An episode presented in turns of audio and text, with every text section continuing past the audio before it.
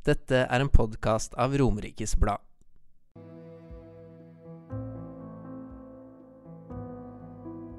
Jeg sluttet jo med alt. Alle søtsaker. Godteri, brus, is, kaker, potetgull, chips. Alt som liksom kan defineres som godteri. Eh, og usunt sluttet jeg med den dagen. Helt cold turkey, liksom? Ja, 4. mars 2009. Eh, har jo ikke rørt det siden.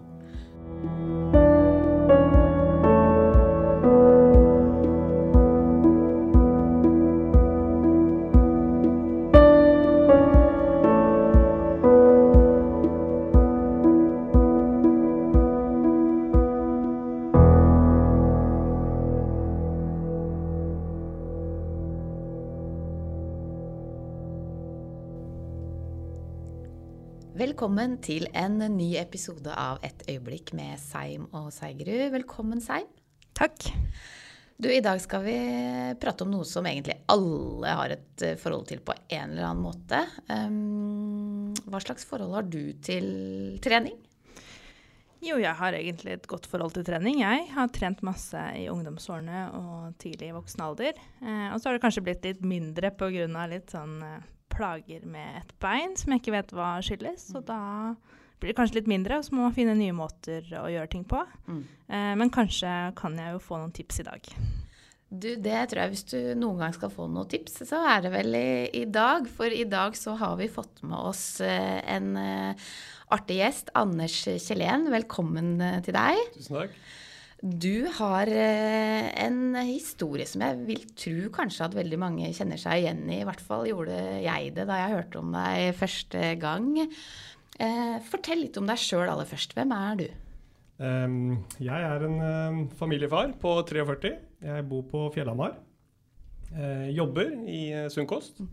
Har ja, to barn, 13 og 16 år, som går på ungdomsskole og videregående på, ja, på Fjellhamar, eller på Lørenskog. Mm.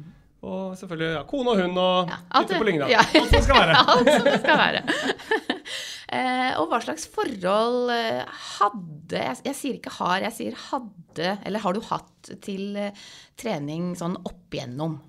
Altså jeg tror jeg, som de fleste um, barn og ungdommer, i hvert fall når jeg vokste opp, og helt sikkert noen fortsatt har drevet med mye forskjellig. Fotball, innebandy, basket, hockey, litt kampsport en periode. Eh, litt forskjellig, egentlig. Eh, veldig sånn, eh, Ble aldri noe skikkelig god i noe, men eh, syntes det var gøy å drive med idrett og holde meg aktiv Ja. frem til jeg ja, ble, begynte å bli voksen, egentlig. Ja, ikke sant. Og så veit jeg at du, eh, da du, som du sier, blei voksen og du fikk eh, litt familie og sånn etter hvert, så eh, var det på et tidspunkt når du var rundt Ja, eller da, da trente du ikke like mye lenger. Nei, jeg sluttet vel egentlig helt. Man gikk- fra ganske sånn aktiv livsstil til en livsstil som Ja, du vet når du får barn nummer én og barn nummer to, og så eh, tidsklemma og alt dette her, og du, det ble eh, ja, mye familieliv og kos, rett og slett. Og jeg har en, eh, har en kone som har en, eh, en eh, veldig høy forbrenning, så hun kunne bare kose seg og, og, og ja, hver kveld, egentlig. Og så det gikk fint. Mens eh, for meg, jeg tulla med at eh, vi gikk begge opp under graviditet, men hun gikk ned igjen. Det gjorde aldri jeg. Nei, det er ikke sant? Så etter to graviditeter så så jeg litt annerledes ut. Du, det er veldig gjenkjennelig. Jeg har også to barn, og, og opplevde det liksom på akkurat samme måte. Ikke sant? Man, kan ikke, man blir jo mye mer sånn bundet til hjemmet. Eh, når de har lagt seg, så må du sitte. Det blir mye sofa, det blir mye TV, og så må man finne på noe. Så koser man seg litt, og så ja. Ja, så har man kanskje en jobb som tar mye tid, og så blir man sittende og jobbe en del ekstra, og fordi man kanskje måtte tilpasse arbeidsdagen litt fordi man har barn, og så, ja, så ble det, det ble mye stillesitting og lite aktivitet da, med Ja. de konsekvensene. Mm. Eh, og da, men da, eh, på et tidspunkt der, så tok du jo grep, eh, Anders. Eh, men hva var utgangspunktet ditt da? Hvor Nei, altså, jeg, jeg er jo en helt normal høy mann, som var altså helt average, 1,80-1,81, og eh, si når vendepunktet kom, så veide jeg over 100 kilo, altså jeg var tresifret. Eh, og det, det, ut- det kom litt sånn snikende. ikke sant? Uh, og så hadde jeg brukt mange år på å komme dit og bygge meg opp dit. og, så, uh, og det var vel egentlig en, starta vel egentlig med at det var en, en fjelltur sammen med en hel gjeng kompiser med høsten der. Der jeg liksom plutselig hadde problemer med å henge med, og jeg liksom at det her er formen, er jo ikke det jeg trodde mentalt den var. da.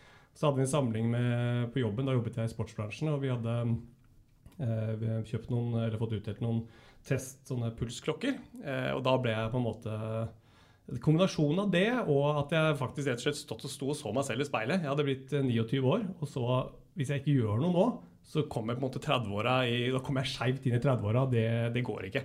Det var i hvert fall det jeg følte da, og sa til meg selv. Mm. Så da tok jeg noen grep. eh, ja.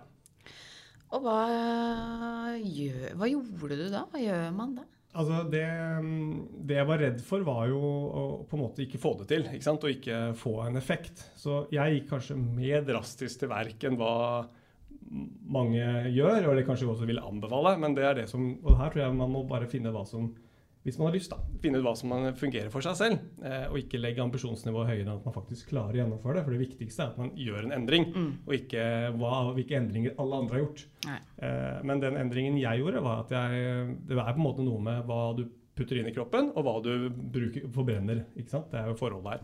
Så jeg justerte jo på det jeg puttet inn i kroppen. Jeg begynte ikke å spise noe mindre, men jeg sluttet jo med alt. Alle søtsaker. Godteri, brus, is, kaker, potetgull, chips. Alt som liksom kan defineres som godteri. Eh, og usunt sluttet jeg med den dagen. Helt Jeg- cold turkey, liksom? ja, 4. mars 2009. Eh, har jo ikke rørt det siden. Eh, så det begynner å bli noen år. Kona er oppgitt. Eh, det, ble en, det ble en teskje med bryllupskake for noen år siden. Jeg fikk en beskjed om at hvis jeg ikke spiste, så ble det ikke noe bryllup. men, men, nei, men, men, eh, men det er nå så. Eh, og det har jo vakt mange stor frustrasjon i familie hver gang det skal, for skal serveres dessert. På liksom bursdag og sånn, og hva skal Anders spise, liksom? Og så prøver jeg bare å si ikke, ikke bruke energi på det. det er, dette er mitt valg, og det er ikke, ikke ta noe hensyn til meg. Så det var det, og så begynte jeg å trene, da. Ja, ikke sant. Men jeg må, jeg må spørre litt mer om det der med Ja, maten. Fordi det, er jo, det, er jo, det kjenner jeg sjøl, at hvis jeg er i en sånn dårlig periode med trening og spiser godis på kvelden ikke sant, Mm. og alt dette her, så er det ikke noe som provoserer meg mer enn sånn folk som er sånn superflinke. ikke sant, Trener masse og det, 'Jeg skal ikke ha noe kake', eller 'jeg skal ikke ha noe sjokolade'. Jeg, har du fått mye enda? Det er jo egentlig bare bra.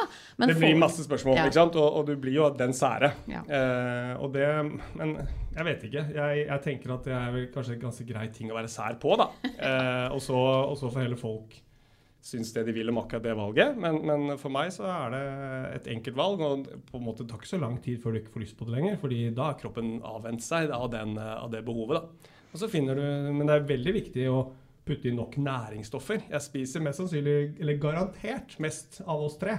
Eh, jeg spiser masse, men jeg prøver å spise rene, sunne matvarer, Ja. og ikke sno på godteri. Men jeg syns det virker så vanskelig, liksom. altså sånn å bare si sånn Den her dagen er det slutt. Eh, fordi det er jo en grunn til at folk syns det er godt. Det er jo godt, Men det er på en vondt uansett, vet du. Ikke sant? Ja. Så at hvis du skal seigpine deg bare spise litt, Ja. så liksom vedlikeholder du jo søtsuget. Mm. Jeg, men, men her tror jeg det er veldig forskjellig fra menneske til menneske, og man må finne hva som fungerer for seg. Men for meg så er det litt sånn svart-hvitt. Enten så gjør jeg det, så gjør jeg det ikke. Altså, Jeg og blir så veldig liksom, det gjorde selvfølgelig det, var, det er ingen tvil om at det var et søtsug de første ukene, men så gir det seg, og så begynner du å se resultatene, og da blir det jo supermotiverende å fortsette. Mm. ja, ikke sant. Så, og jeg vet at mange sier men det er liksom man må ha en en fridag i uken og sånn. Gjerne for meg, hvis det er det som fungerer for deg. Det er jo, alle må jo finne sin, sin løsning eller sin vei til sine mål. Mm. Men mitt mål var, var ganske definitivt Sånn, jeg, måtte, jeg ville ta tak, og da ville jeg ha rask effekt. Ja. Eh, og da gjorde jeg det litt sånn hardt og brutalt. Men, men her må jo man finne sin egen, sin egen måte. Det som Ja. fungerer for seg selv. Ja. Har, eh, du nevnte jo kona di, og du Mm. og barn. Har de, eh, gjør de det samme? Nei, nei. Nei. Overhodet ikke. De Dette er din seg, greie. Og, ja, det er min greie. Og de eh, smiler og ler av dette her, og det er jo et eh, stadig tilbakevendende tema. I hvert fall når vi er i sammen med andre. Så det, men sånn er det. det Ja. er, ja. Så bra. Men, men fortell altså litt om eh, treninga, Anders. Fordi Mm. du begynte jo i Begynte i det små. I, begynte i det små, ja. Det tror jeg det litt sånn Jeg tok jo på meg løpeskoene, jobbet i sportsbransjen. Hadde jo selvfølgelig alt av utstyr jeg trengte for å gjøre dette her. Eh, dro ut på løpetur, kom vel kanskje 150 meter, og så var jeg heseblesende. Og tenkte å jøye meg, altså hvor dårlig form jeg er i. i til, jeg trodde jo lett jeg skulle kunne jogge løpe en 10 km. Jeg var ikke i nærheten. Nei. Så jeg brukte ganske god tid på i hele tatt å, å mm, orke. Men det jeg var veldig bevisst på, var at jeg holdt i gang en time Ja. hver gang. Så om det var endte i begynnelsen, var det mer eller mindre gåing. Eh, prøvde å gå hardt, da, eh, selvfølgelig. Og fort, så fort jeg klarte. Og jogge hardt, liksom, eller gå hardt i oppoverbakker, jogge når det var flatt og litt sånne ting. Og så sakte, men sakte, men sikkert så får du en sånn eh, effekt. da. Både at du blir i bedre form, og hjertet fungerer bedre, eller orker mer, lungene tar opp mer oksygen, og samtidig at vekten har sakte, men sikkert nedover, så kroppen blir lettere å bevege på. da. Mm. Så får du en sånn veldig positiv og utrolig motiverende eh, utvikling. da. Ja. Og jeg glemmer jo aldri den første gangen jeg først har jeg klart å jogge en time, men ikke minst når jeg klarte å løpe en time. Altså Forskjellen på jogge og løpe er at du er eh, lettere fra bakken. da. Og når du klarer å løpe en time, det var, eh, altså det var en enorm sånn stolthetsfølelse inni meg selv. da. Mm. Det var liksom et mål. ikke sant? At fy fader, dette fikk jeg til. da. Ja. Og Det tok ikke liksom år, det. altså. Det tok kanskje et halvt år, eller sånt, jeg husker ikke, men, men det, det gikk relativt fort. altså. ja, ikke sant. Fra hvor du Mm, da var liksom var veldig dårlig form da, til Ja. å være i god form. Ja, nemlig. Mm. Aldri tenkt på forskjellen på jogging og løpe, forresten, når du sa det. Men det er jo Det er Ikke sikkert noen som kan, noen eksperter som har bedre definisjon på det enn meg, men det er i hvert fall sånn jeg definerer det. At når du ja, ikke har bena ned i bakken, da løper du. Ja, ikke sant. Nemlig. Jeg føler kanskje jeg bare har vært på joggetur. Ja, jeg lurer på det om jeg... Men igjen så er jo det opp til hva man selv ønsker og vil. Det er jo på en måte Ja, ja. å sette sine egne mål, og det er jeg veldig sånn opptatt av når jeg snakker om det med folk spør også. Så er det litt sånn Egentlig ikke bry deg hva jeg har gjort, men bestem deg hva du har lyst til å gjøre. Mm. Og så kan jeg gjerne tipse og gi deg en tips og råd på hvordan du kan få til det, hvordan jeg kanskje ville løse det, men man må finne sin egen motivasjon, sin e hva man har lyst til å få til selv. da. Mm. Ja, for det som selvfølgelig er greia her, Anders, det er jo at fra da å, å være 29 år og, og ha, være, tilbringe mye tid på sofaen med mye kos, eh, så har jo du eh, nå eh, løpt eh, maraton på det man kaller sub 3. Mm. Det vil si på under tre timer. Mm. Det vil også si at man holder en snittfart på 4 minutter og 15 sekunder på kilometeren. Og for det, de som ikke har noe forhold til det, så for det kan jeg si som en uh, bedagelig mosjonist at det er fort. Det er veldig, veldig fort. Selv om du sa i stad at det er noen, mange som løper Det fortere. er, det, er, det er veldig veldig mange nordmenn som løper mye fortere enn meg. Eh, men det er jo vel noe sånt som ca. 4% av de som starter et maraton, som kommer eh, under tre timer. Ja. Og den, den tretimersgrensen er jo i hvert fall for meg vært veldig veldig magisk. Jeg begynte å snakke om det for eh, jeg håper på å si til meg selv. Jeg kan begynne med det. Jeg liksom holdt det litt inne sånn for kanskje fem-seks år siden. Det hadde vært magisk å få til. Og så begynte jeg å si det litt høyt for en, kanskje en tre år siden. Men, men for meg var det også en sånn um, Jeg så det egentlig for meg som litt umulig. for helt ærlig. Jeg trodde jeg var for gammel. Mm. Uh, at jeg hadde for dårlig grunnlag fra på en måte barn og, eller oppveksten. da. Uh, jeg løp jo mitt første maraton på kall det offisielt, og ikke bare sånn her rundt omkring på Lørenskog, men uh, det var i Berlin, og da løp jeg på 3.22. Eh, så det var liksom 22 minutter unna, og det kan høres ganske kort ut, men hvis man skal kutte 22 minutter det er, det er mye, altså. Det må jeg bare si. Så, så for meg så, så så jeg på det som et bortimot umulig mål. Eh, og, og liksom hadde jo nesten slått det litt fra meg, egentlig. Eh, og gjennom korona og liksom og fikk ikke vært med på noe greier. og litt sånn, Men, men nå har jeg opprettholdt treningen. Men før jeg bestemte meg våres at jeg skulle meg, jeg, nå skal jeg gjøre det som skal til, og gå for det. Ja. Men eh, ta oss litt gjennom den reisen. fordi eh, var det, Jeg regner ikke med liksom målet om maraton på under tre timer kom med én gang. Nei, nei. Det var, du har satt deg noen sånn delmål Ja, underveis altså, her. det, det var jo liksom Først var det på en måte å komme i form. Mm. Eh, og så brukte jeg faktisk eh, Birken eh, som motivasjonsfaktor. Og, og jeg har også egentlig alltid vært veldig sånn eh, allsidig i treningen og helt, egentlig alltid tenkt at jeg vil gjøre det jeg har lyst til å gjøre. Vil, for meg så må trening være gøy, ellers så gidder jeg ikke. Eh, så, og Birken var veldig super. Jeg meldte meg på Birken-trippelen. da. Så da løper du, skal løpe. Eh, den gangen var det om eh, om høsten med det. Det, det tror jeg kanskje er om vår nå, men eh, det er jo ikke så betydningsfullt, egentlig. Eh, du skal da løpe, du skal gå på ski, og du skal sykle. Så da hadde vi, jeg, jeg og en del kompiser egentlig en ganske fint mål som vi gjorde sammen det første året. og så ble ja, litt avskalling etter hvert, men de fleste var med flere år. Eh, og det var en kjempefin sånn motivasjonsgreie å gjøre veldig mye forskjellig. Og det er jo det jeg egentlig har gjort hele tiden. Eh, elsker å gå på langrenn på vinteren. Det er det beste jeg vet. Så om vinteren så går jeg mest mulig langrenn. Eh, om sommeren prøver jeg å sykle en del. Og så I tillegg til litt styrketrening innimellom, så har det jo løping da, på en måte bare vært den der basetreningen som er så lett å gjøre hver eneste morgen. Sant? Fordi løping kan du gjøre ja, egentlig uansett vær. Eh, og, du, og det er veldig lett å ha med seg løpeskoen når jeg reiser en del med jobben. Veldig enkelt å ha med seg å løpe litt ja, hvor som helst. da. Eh, for fine morgener. Eh, her om dagen var jeg i, i, i Porto og liksom plutselig får du en, en rundtur i gamlebyen i Porto på morgenen liksom før møtet, er jo ganske god start på dagen, vil jeg påstå. da. Ja. Ja, for du løper, altså, du løper om eh, morgenen. Du Mm. står opp klokka fem er hver Ja, morgen. det, det var jo, I begynnelsen her så var jo barna små. Og da la de seg jo i en fornuftig tid eh, og sov i 7-8-tiden, så da kunne jeg trene på kvelden. Ja. Eh, nå er det jo 13 og 16, så nå legger det seg ikke til fornuftige tider i det hele tatt. I hvert fall ikke synes Så jeg bare glemmer å trene etter at de har lagt seg, eh, for det er jo midt på natten. Og, og eh, hvis man skal ha litt tid sammen, da, Ja. så, som jeg prøver å få til, eller ønsker i størst mulig grad, så må jeg tilpasse meg når jeg trener, og det er om morgenen. Så jeg står opp eh, fem på hverdager, seks i helgene, og trener da fra halv seks til syv, da, eller kvart på syv-syv i hverdagen, og tilsvarende en time senere i helgene. Ja, nettopp. Og det er jo akkurat det du er inne på der. Det, igjen kjente jo jeg meg også veldig igjen i når man fikk barn, og, så er man, og spesielt da når man begynner å jobbe igjen etter å ha fått barn, så er jo de, ser man det ikke hele dagen, og så kommer man hjem, og, så, og da vil man jo bruke de timene sammen Mm, med barna. nettopp, nettopp. Og sånn er det sikkert veldig mange Ja. som har det. Nei, jeg, kan ikke, jeg trener ikke nå fordi jeg prioriterer barna. Mm. Og, Men det kan man jo ha selv. Jeg har jo ikke barn. Eh, men jeg, altså, i den grad jeg trener, så liker jeg jo Og det har jeg alltid likt best på morgenen. Mm. Sånn før jobb, før skole. Jeg var veldig flink i ungdom og tidlig voksen alder på akkurat det, egentlig.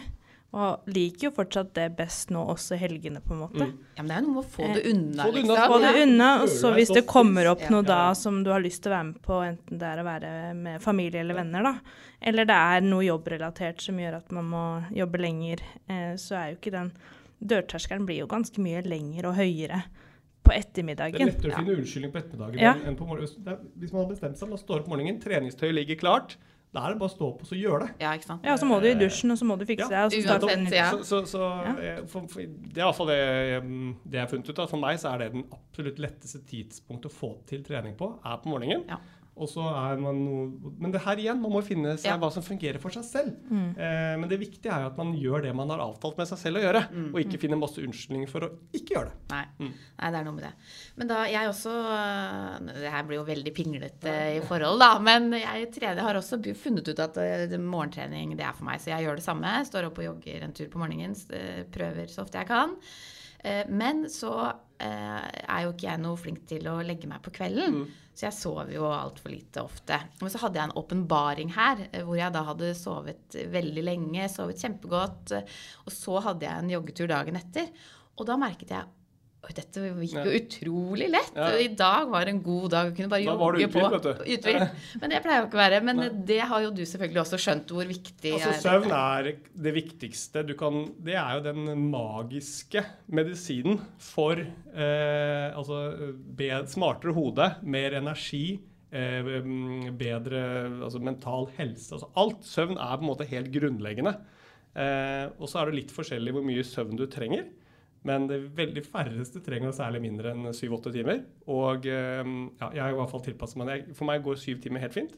Men hvis jeg skal stå opp fem, så betyr det at jeg må sove klokken ti. Og tilbake til å være litt sånn sær, så er det jo selvfølgelig noen som mener det er litt sært. Eh, men, men det er det som skal til for at min, det skal fungere, da. Eh, så jeg legger meg kvart på ti, og da er kroppen liksom, blir kroppen litt innstilt på at jeg snakker litt om kaffe, i sted også. Eh, men er du da, har man gjort det liksom, i hvert fall ikke gjort en del usmarte trekk, da, så sovner jeg med en gang. Og så sover jeg for egentlig syv timer kvalitetssøvn til vekkerklokken ringer 04.55. da. Jeg liker å stå opp fem på fem, for da har jeg liksom fem minutter eh, på alle de som står opp fem. Ja. Og til å, og til å snøre på seg eh, Ja. joggeskoa, liksom. Ja, sant? Men åssen er det Altså, føler du Fordi, altså, jeg vet ikke om det er ikke ekstremt, kanskje, men du har jo tatt noen eh, valg her. ikke sant? Du legger deg tidlig, står opp veldig Mm. tidlig, eh, spiser ikke søtsaker, er jo veldig dedikert. Mm. Eh, føler du at du går glipp av noe? Kan, altså, Jeg, sikkert. Men eh, altså nå jeg håper å si, lever man etter hvert litt sånn kjedelig liv da, når man er familiefar. Det skjer liksom ikke sånn supermye spennende etter klokken ti på hverdager. Det er jo noen serier sikkert jeg går glipp av, da. Ja. ikke sant? Og noen realityshow og sånn. Men det, går, det lever jeg ganske bra med. Ja. Eh, for å være helt ærlig. Det jeg derimot ikke går glipp av, er jo alle de mulighetene. Det å føle seg frisk, rask, være i form. Eh, det løpingen og treningen eh, gir meg mulighet til å ta meg med på, da. Eh, det, går jeg jo, det får jeg jo. Så det er, for meg er det en utrolig lett trade-off. Eh, å bytte noe realityshow på kvelden mot, mot gode løpeturer med venner, og, eller nye venner og løpevenner. Og, ja. Mm. Ja, vi må jo bare innrømme at det er ikke veldig mye fornuftig å gjøre i sofaen etter klokka ti, Siri. Det er mye Generelt Netflix. eh, veldig lite fornuftig å gjøre i sofaen. Eh, annet enn sånn kanskje få muligheten til å koble av hjernen med noe helt Ja, eh, noe helt annet. Sånn det å kunne faktisk slappe av da, uten å bruke hjernekapasitet, den syns jeg er veldig god. Eh, Uansett om man trener eller ikke. Uh, for den tror jeg er viktig. At, Unnskyld at jeg avbryter deg, men det er jo når du, når du trener, Mm. så kan du jo også slappe av med hjernen. ikke sant? Og du Ja får renset hodet, og du får liksom renset tankene, du får gått gjennom en del sånn, prosesser. da. Jeg, jeg er ingen ekspert på dette, jeg bare vet at når jeg har trent, så er jeg et helt annet menneske enn før jeg har trent om morgenen. Mm. Og det, Mer bevis enn det trenger ikke jeg for min egen del. Og så er jeg helt sikker på at dere kan invitere noen andre gjester som, er mye mer, som kan forklare hva som skjer. Eh, men jeg bare vet hvordan jeg føler meg. Ja, ja. Og alle som har trena, kjenner seg jo også Man kjenner seg jo igjen i det, og jeg husker jo at liksom eh, ja, spesielt eh, Kanskje spesielt i ungdomsårene, egentlig, hvor man på en måte helt frivillig, selv om man hadde vært på faste treninger og organisert idrett, eh, dro ut og løp, liksom, og eh, så var jo det fritid. Mm. Eh, hvor du på en måte kunne være i din egen verden, du kunne kjenne på hva kroppen eh, tok ut, og det har du kjent på i voksen alder også, liksom. Og den følelsen etterpå er jo helt fantastisk. Mm.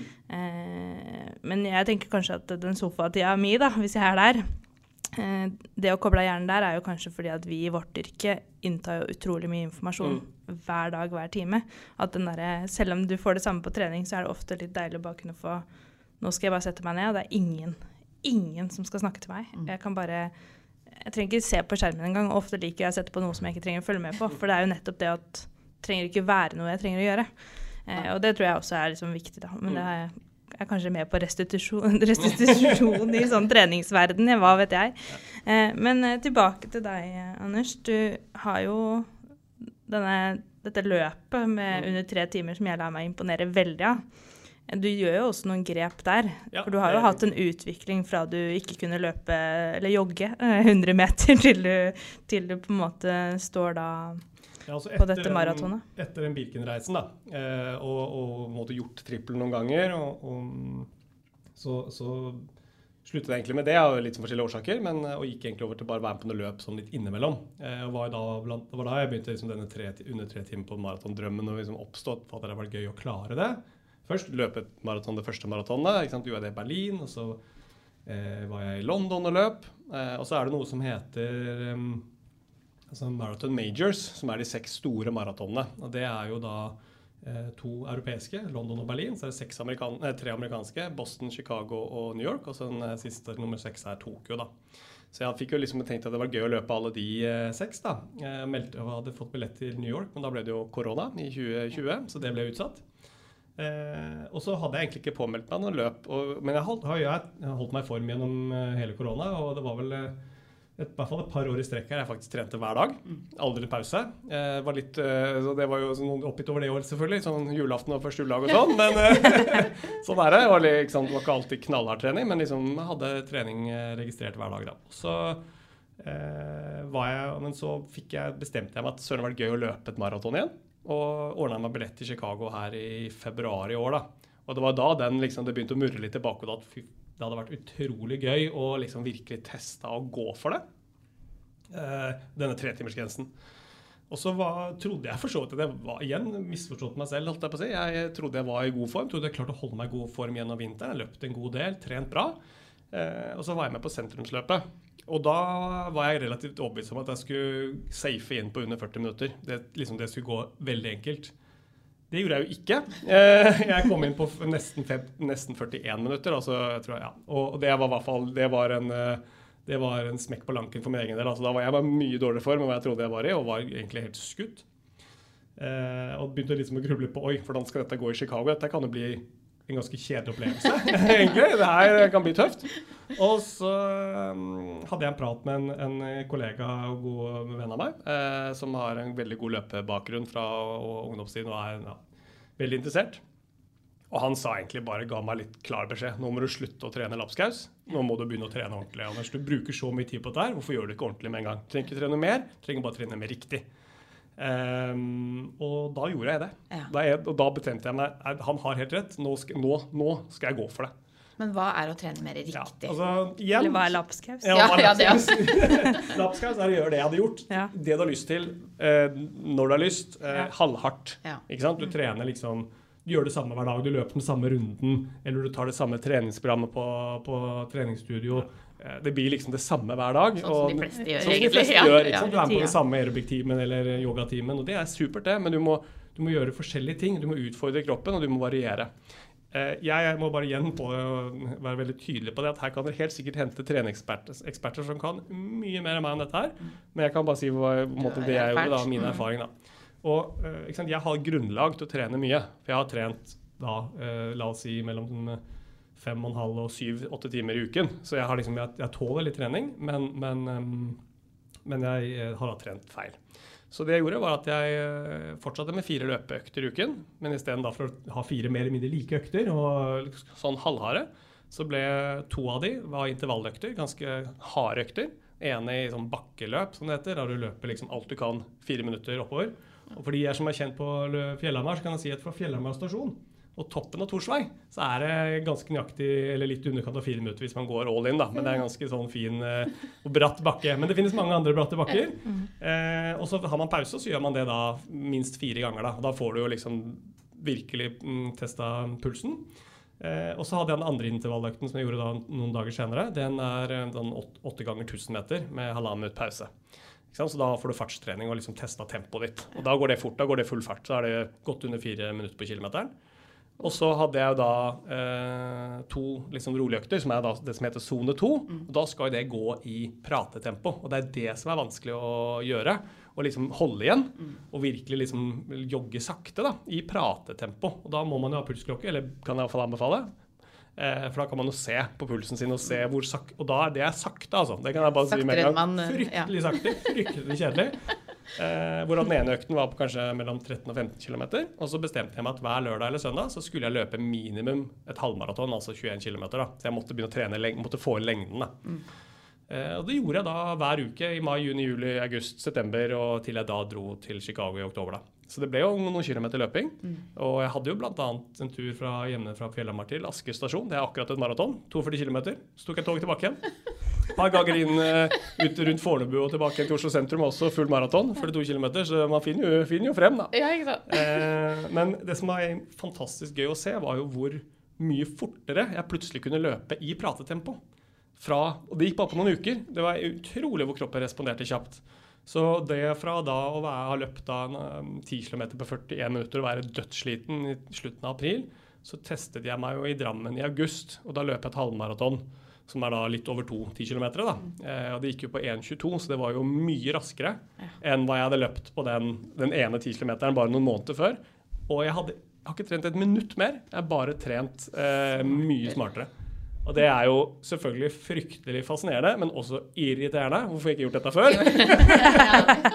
Bare liksom Hvor mange bortkasta år har jeg ikke hatt? Og det mest irriterende er at alle løpeeksperter er Dette står jo overalt. ikke sant? Ja. Det står jo 'tren i sone 2', ikke sant? mye sone 2. Også Og så hardt når du trener hardt. Det er det alle sier. Ja. Eh, men det føles jo så liksom når, Du tenker jo når du trener at 'jeg må ta i litt'. Må ta i. Må Ja. ta i. Men Og så må man ikke det. Hvorfor er de øktene så viktige? Er det for, liksom for restitusjon på en måte? Eller at man å ta det med ro? Eller hva er det som gjør, skjer i Det, det handler med, med, det er med energi, eh, altså hvordan kroppen lærer seg å bruke Ja. energilagrene dine, rett og slett. Da, og forbruke de over lang tid. Og du, du på en måte hever sakte, men sikkert nivået ditt der du egentlig orker å holde på veldig, veldig lenge. Mm. Ikke sant? Uh, og mm, det er på en måte kortversjonen, da. Ja. Så du trener kroppen egentlig på å holde ut lenge på et nivå, og sakte, men sikkert så hever du det nivået du kan holde på lenge på, da. Ja.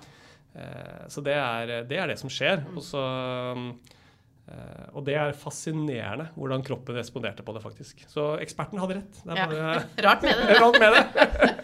Men eh, da lurer jeg på, da, fordi du, da, sier du at det er litt irriterende at du ikke kom på det før når du har hatt et mål om Mm. det. Men når du på en måte da løper over mållinja i Chicago og titter ned på pulsklokka og ser at den tikker inn på under tre timer, hva går gjennom kroppen da? Vet du hva, det, det var eh, Jeg får litt gåsehud faktisk når du snakker når du spør igjen. Eh, Det, var, det betydde mye mer for meg enn hva jeg trodde det skulle gjøre. Det skal jeg være første til å innrømme. Jeg, det var viktigere mål mentalt enn hva jeg egentlig visste. Det er klart, Nå dro jeg på egotur til Chicago alene liksom bare for å løpe. Så det, liksom, det er åpenbart at jeg liksom var litt sånn delvis dedikert. Eh, men eh, Altså, jeg merka fort underveis, fordi du løper jo på tid hele veien. Og jeg, Du starter med en sånn eh, fartsholder, eller jeg gjorde det. som skal liksom, Disse gutta løper på tre timer. De hadde sånn ballong eh, eller flagg de sto tre timer på. Og så holder man og følger med de. Og så etter hvert så syns man det gikk litt saktere, så jeg, jeg bare begynte å sakte, men sikkert å sige fra dem. Og det er klart Når du er på rundt halvmaraton og du ser liksom du har god margin, så begynner jo allerede der opp dette her kommer til å gå, med mindre du liksom fordi når du har løpt en del, da, så kjenner du på kroppen at du, dette går fint. Det er på en måte, du, du Mm. vet hvor grensene dine går. Så jeg hadde jo allerede der begynte jeg liksom å kjenne på at dette her går. Nå handler det egentlig bare om å gjennomføre. Det handler om å spise riktig, drikke riktig underveis, ikke få kramper, ikke falle. For det er jo en del folk rundt der liksom. Eh, og klart på rundt om det var rundt 35 km eller noe sånt, så begynte jeg å se at det her går jo, jeg kommer noen minutter under også. Det her, jeg, har liksom, jeg har god kontroll. Eh, og det gjorde også at jeg, jeg slapp å gå helt i kjelleren. Jeg, var på en måte, jeg hadde en veldig veldig god løpeopplevelse. En veldig god dag òg. Og de siste to kilometerne kunne jeg liksom øke tempoet og komme inn på ja, 2.54 et eller annet. og det var, eh, altså det var Jeg var så glad. Første jeg gjorde, var å snappe til barna og kona på en sånn Snap-gruppe vi har. og det, eh, de hadde jo fulgt med, selvfølgelig. Eh, ligger, Norge ligger noen timer foran, så selv om det var tidlig start i Chicago, så var det ettermiddagen her i Norge. Så det var, det var stort. Det betydde mye. Mm. Det, var, det var liksom sånn Kall det indre stolthet, da. Ja. Mm. Ja, du har jo hatt, eh, du har jo hatt sånne ulike mål, da. eh, Og dette var jo åpenbart et viktig Ja, ja. mål. Eh, Men skal, altså, er du, skal du bare fortsette og fortsette? Ja, nå, Jeg tulla litt med dette. her, da. Hva skal jeg finne på nå? Først og fremst har jeg lyst til å gjøre disse, de tre som gjenstår. da. Så viser det seg jo at det å få tak i billetter til både Tokyo og Boston, som er nå i, det er liksom i april og, og mm, mars-april neste år, det er umulig. Så blir vi kanskje New York i november neste år. da. Eh, det, er i hvert fall den, den, det får vi se. Uh, men man må jo finne på noe nytt. da. Jeg Ja. prøvde jo ultra her i Sandefjord. Det er sånn 80 km løp. Det var jo gøy. Okay. Uh, gøy, gøy. Kanskje man skal gjøre det. eh, mm, det, det men det, ikke sant, så det finnes jo mange andre enorme ting. Jeg lar meg jo veldig imponere av de som gjør uh, Ironmans. Mm. Eh, det er jo mennesker som driver på et helt annet nivå enn meg igjen, og enda mer dedikert. eh, og ikke minst trener veldig mye mer. Eh, så det, mm, Man får se hva, hva tiden strekker til, og hva som passer med, med liksom, ja, eh, familie og det man har lyst til å gjøre. Da. Men det er klart man må finne på et eller annet. Så vi får se. Ja, Eh, jeg har ikke bestemt meg helt ennå, men noe blir det. noe blir det. Men det er fortsatt støtte hjemmefra, da. De trodde, Ja, ikke, de trodde de- ikke det var slutt da det var Nei, liksom snappen hjem til Norge. Det, tror jeg de- det tror jeg de visste, men, men de har vel også lært meg å kjenne såpass godt at de vet at hvis jeg ikke trener, så jeg, jeg, tror jeg, er be, eller jeg vet jeg er en bedre far etter jeg har trent. Mm. Så det, og det tror jeg de hadde nikket anerkjennende til. Men tror du du noen gang kan gå tilbake Nå er jo ikke det noe mål, kanskje, da, men sånn, eh, til at, sånn som mange jo trener, da. eh, Løper den samme runden ikke sant, for å ha gjort det, for å litt bedre samvittighet, for å føle seg litt eh, ok uten å på en måte hele tida skulle pushe seg, sette seg nye mål. Ja, altså jeg, Nå deltok jeg jo på um, vintermaraton oppe i Jessheim. Fantastisk arrangement, by the way. For de som ikke har vært med på, kan virkelig anbefales. Masse forskjellige lengder og tipp topp. Uh, og der var jeg fartsholder. Det var skikkelig gøy. Utrolig motiverende å på en måte eller løpe uten å egentlig føle noe jag på sin egen prestasjon, men bare egentlig holde en tid og, og prøve å hjelpe de rundt deg. Skikkelig, skikkelig gøy. Eh, så det tror jeg jeg skal gjøre flere ganger. Det var kjempegøy. Eh, og det er klart, jeg må ikke alltid liksom prestere og måle min egen tid. Eh, Så det kan godt være at jeg setter meg noen andre typer mål, eller om det er en si, turmål, bestige et eller annet fjell, det kan være sånne ting. Men det å jeg kommer nok til å fortsette å trene smart når jeg vet hvor smart det er. Ja. Og jeg er erfart det. Jeg, eh, det er ikke det jeg trenger å lure på. Så, så lenge man holder seg skadefri, så, så må, må det være mål, det. Mm. Ja. Eh, og så må jeg spørre, vi var så vidt innom det i stad, men er, kan du, har du noen sånne Uh, utskeielser iblant? Altså Nå sa du at du spiste én skje med kake i ditt eget bryllup, men, men kan du liksom ta en fest hvis Ja, ja, det er Ja. Men, men eh, altså vi, eller jeg uh, eh, Det er jo noen eh, Jeg tar meg liksom ikke en øl i hverdagen eller, eller på en måte et glass vin i helgen fordi eller to. Det er på en måte sånn hvis det ikke er en occasion. Og det er rett og slett fordi jeg bare vet at det for det første ødelegger nattsøvnen min. Jeg får man får dårligere søvnkvalitet av å drikke selv eh, bare én eller to enheter på kvelden. Eh, og, eh, så, det er liksom, så derfor så gjør jeg ikke det, med mindre Men jeg er jo ute og treffer kompiser og tar en øl og spiser en burger I don't know, i hvert fall en gang i måneden, kanskje mer. Eh, det skjer ting med jobben, det er bursdager. Så, så det er ikke noe problem å ta seg en fest og moro når det skjer. Men jeg oppsøker det ikke sånn og finner unnskyldning til å gjøre det hver helg. for å si det sånn. Men det er? Når, når det er en fest, så er det jo fest. Ja. Kjempegøy. Og da er man jo selvfølgelig med. Eh, også, og det er jo tipp topp. det. Da får man kanskje ikke trent dagen etter. No problem. Man kan jo ikke være helt, um, altså helt avholdt. Så det er jeg ikke. Eller og noen er jo det. og Tipp, kjempebra for dem. Men det er ikke jeg. Men, eh, men det blir jo ikke liksom fest hver helg. De gjør ikke det. Nei. Men, eh, og det, hvis man liksom spør Anders, mange, Jeg får ofte spørsmål av kompisene mine. og Liksom, mange ganger har du drukket siden, eller i år?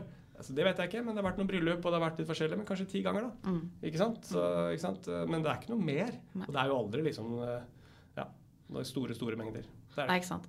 Men så er det som du sier, når du ser hva du får igjen, og Ja. hvordan uh... Altså Stå opp søndag morgen og være 100% fresh og ta seg en lang løpetur eller sykkeltur er veldig mye bedre enn uh, andre enden av skalaen. Så det er det er det liksom som motiverer, da. Mm. Ja. Det har vært kjempefint å høre på deg, Anders. Jeg tar i hvert fall med meg masse gode tips. Og liksom bare det å ha en bevissthet rundt en del ting som jeg ikke tror jeg har, Ja. har hatt. Ja. Tusen takk for at du kom og fortalte din historie, Anders. Bare hyggelig.